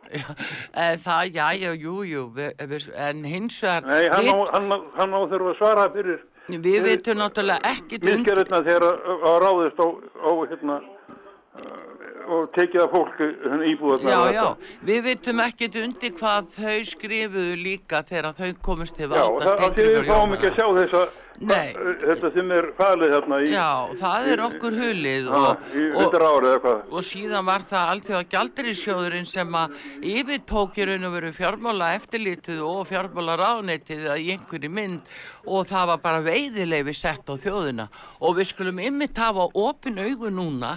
Þess vegna vil ég alls þeirra blamanafund fyrir alla fjölmila með þessum ráðamönnum og þau geta ekki látið duga að hlaupa bara upp í rúf það bara gildir ekki lengur við þurfum að Nei. geta spurt þetta fólk hvað það er að gera í raun og veru hver er næsta sá- Sást nú hvernig, hvernig uppistandið var á honum, á honum Bjarnar. Ég held, ég held að hann var að fara yfir um þarna. Hann, hann var svolítið blásandi og másandi þe- þegar hann var á alþingi núna bara fyrir nokkur dögum síðan. ég sá það ég, ekki.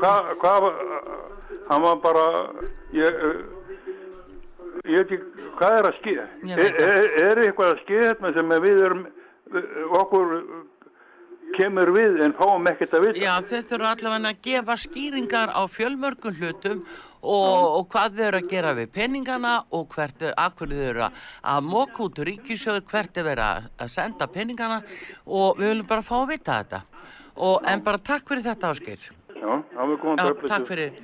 Já, og það er akkurat það sem er, hvað, hérna, hvað er búið að kosta okkur öll þessi bólefni, eh, hver er árangurinn, eh, við uh, þurfum þær upplýsingar og við þurfum líka að fá að vita og ræða það hversu margi liggja illa haldnir eftir þessar spröytur og þeir sem eru innilíkjandi inn á einhverjum stopnunum með langvarandi veikindi eftir spröytunar, hvað er það að kosta okkur líka? Hátt í 300 manns skráðir.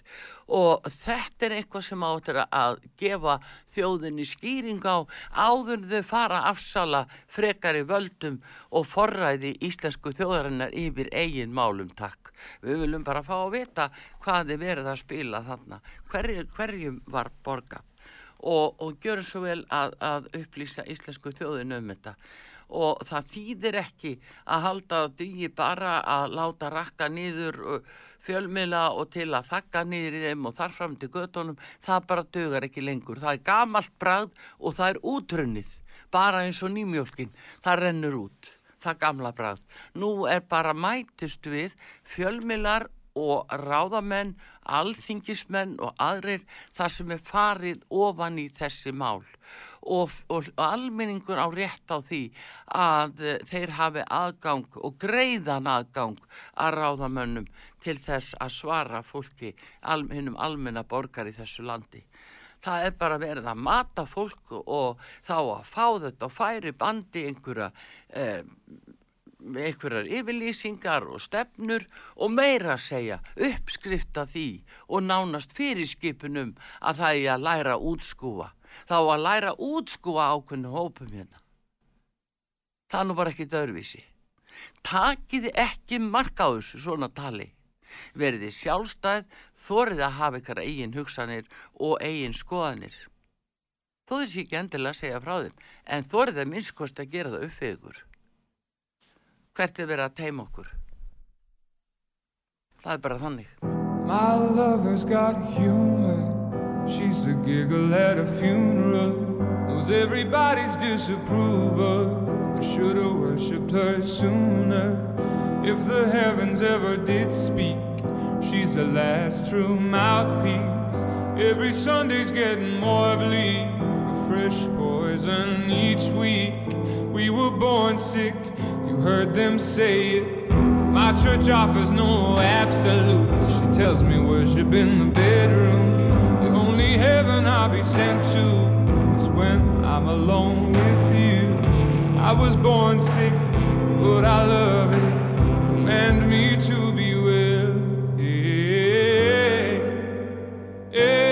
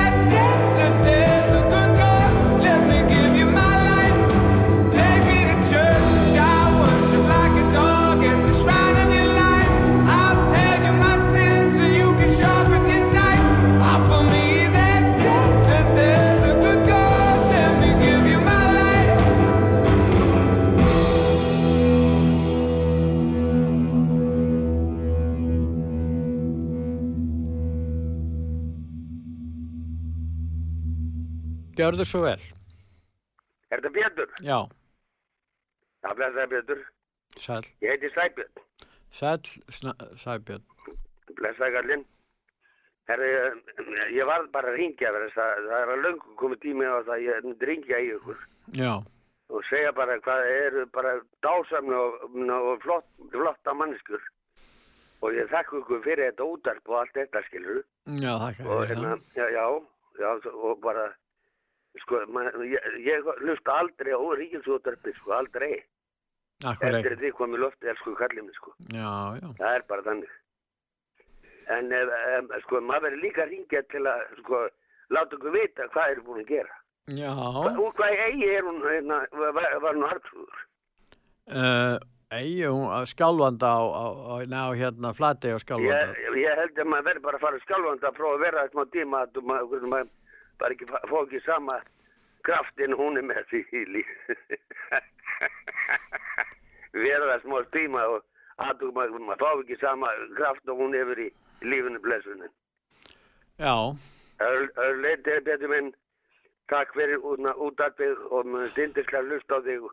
Mér finnst þið bæði svo eindal og gaman að hérna, hérna, í þessu útarpi og það er eina sem ég langt að láta okkur vita af takk að þið fyrir að ringja og láta okkur vita því. Takk að þið fyrir. beð ég bara heila við þessu okkur skutna vinnar Já, blessaður. Þegar aðrir þegja, þá segjum við frá.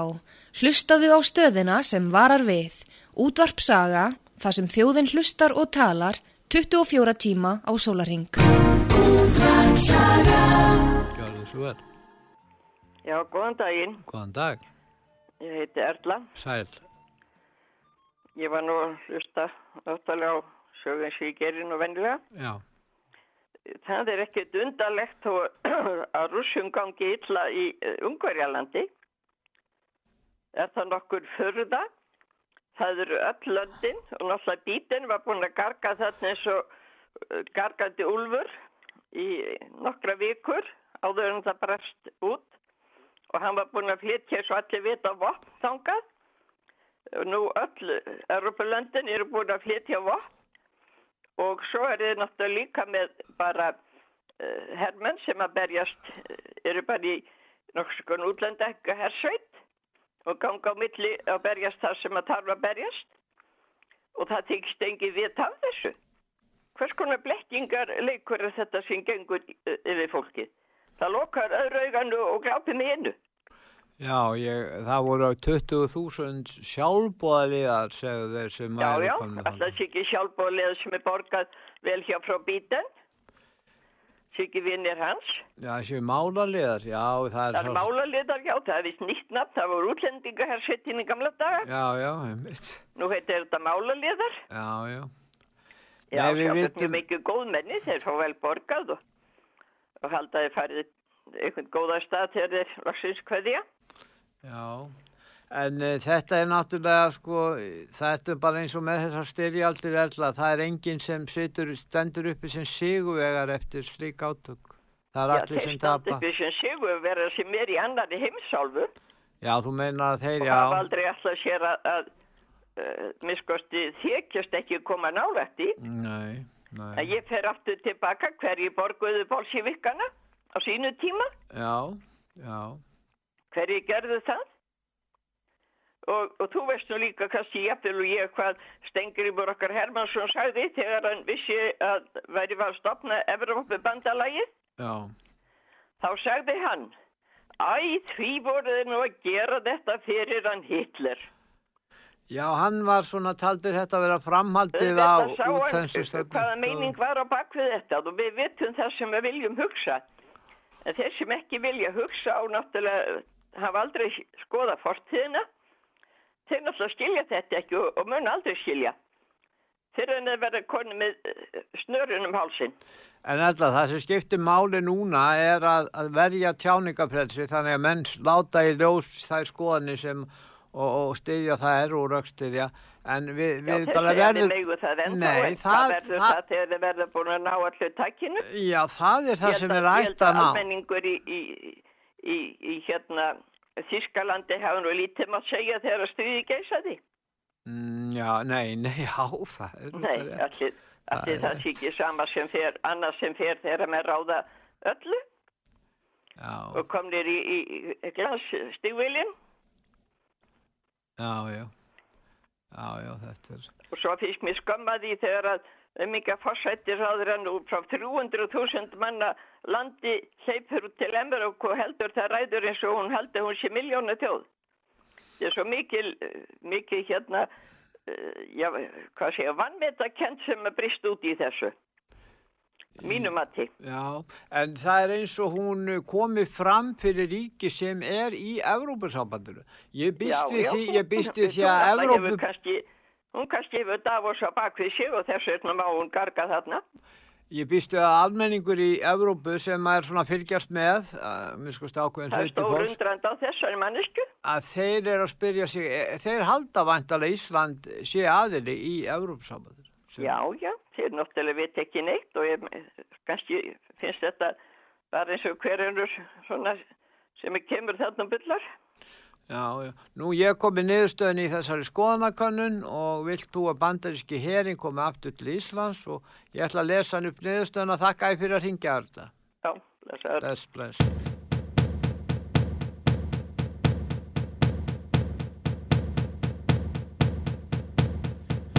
Give me a second, I I need to get my story straight. My friends are in the bathroom, getting higher than the Empire State. My lover, she is waiting for me just across the bar. My seat's been taken by some sunglasses, asking about a scar. And I know I gave it to you months ago.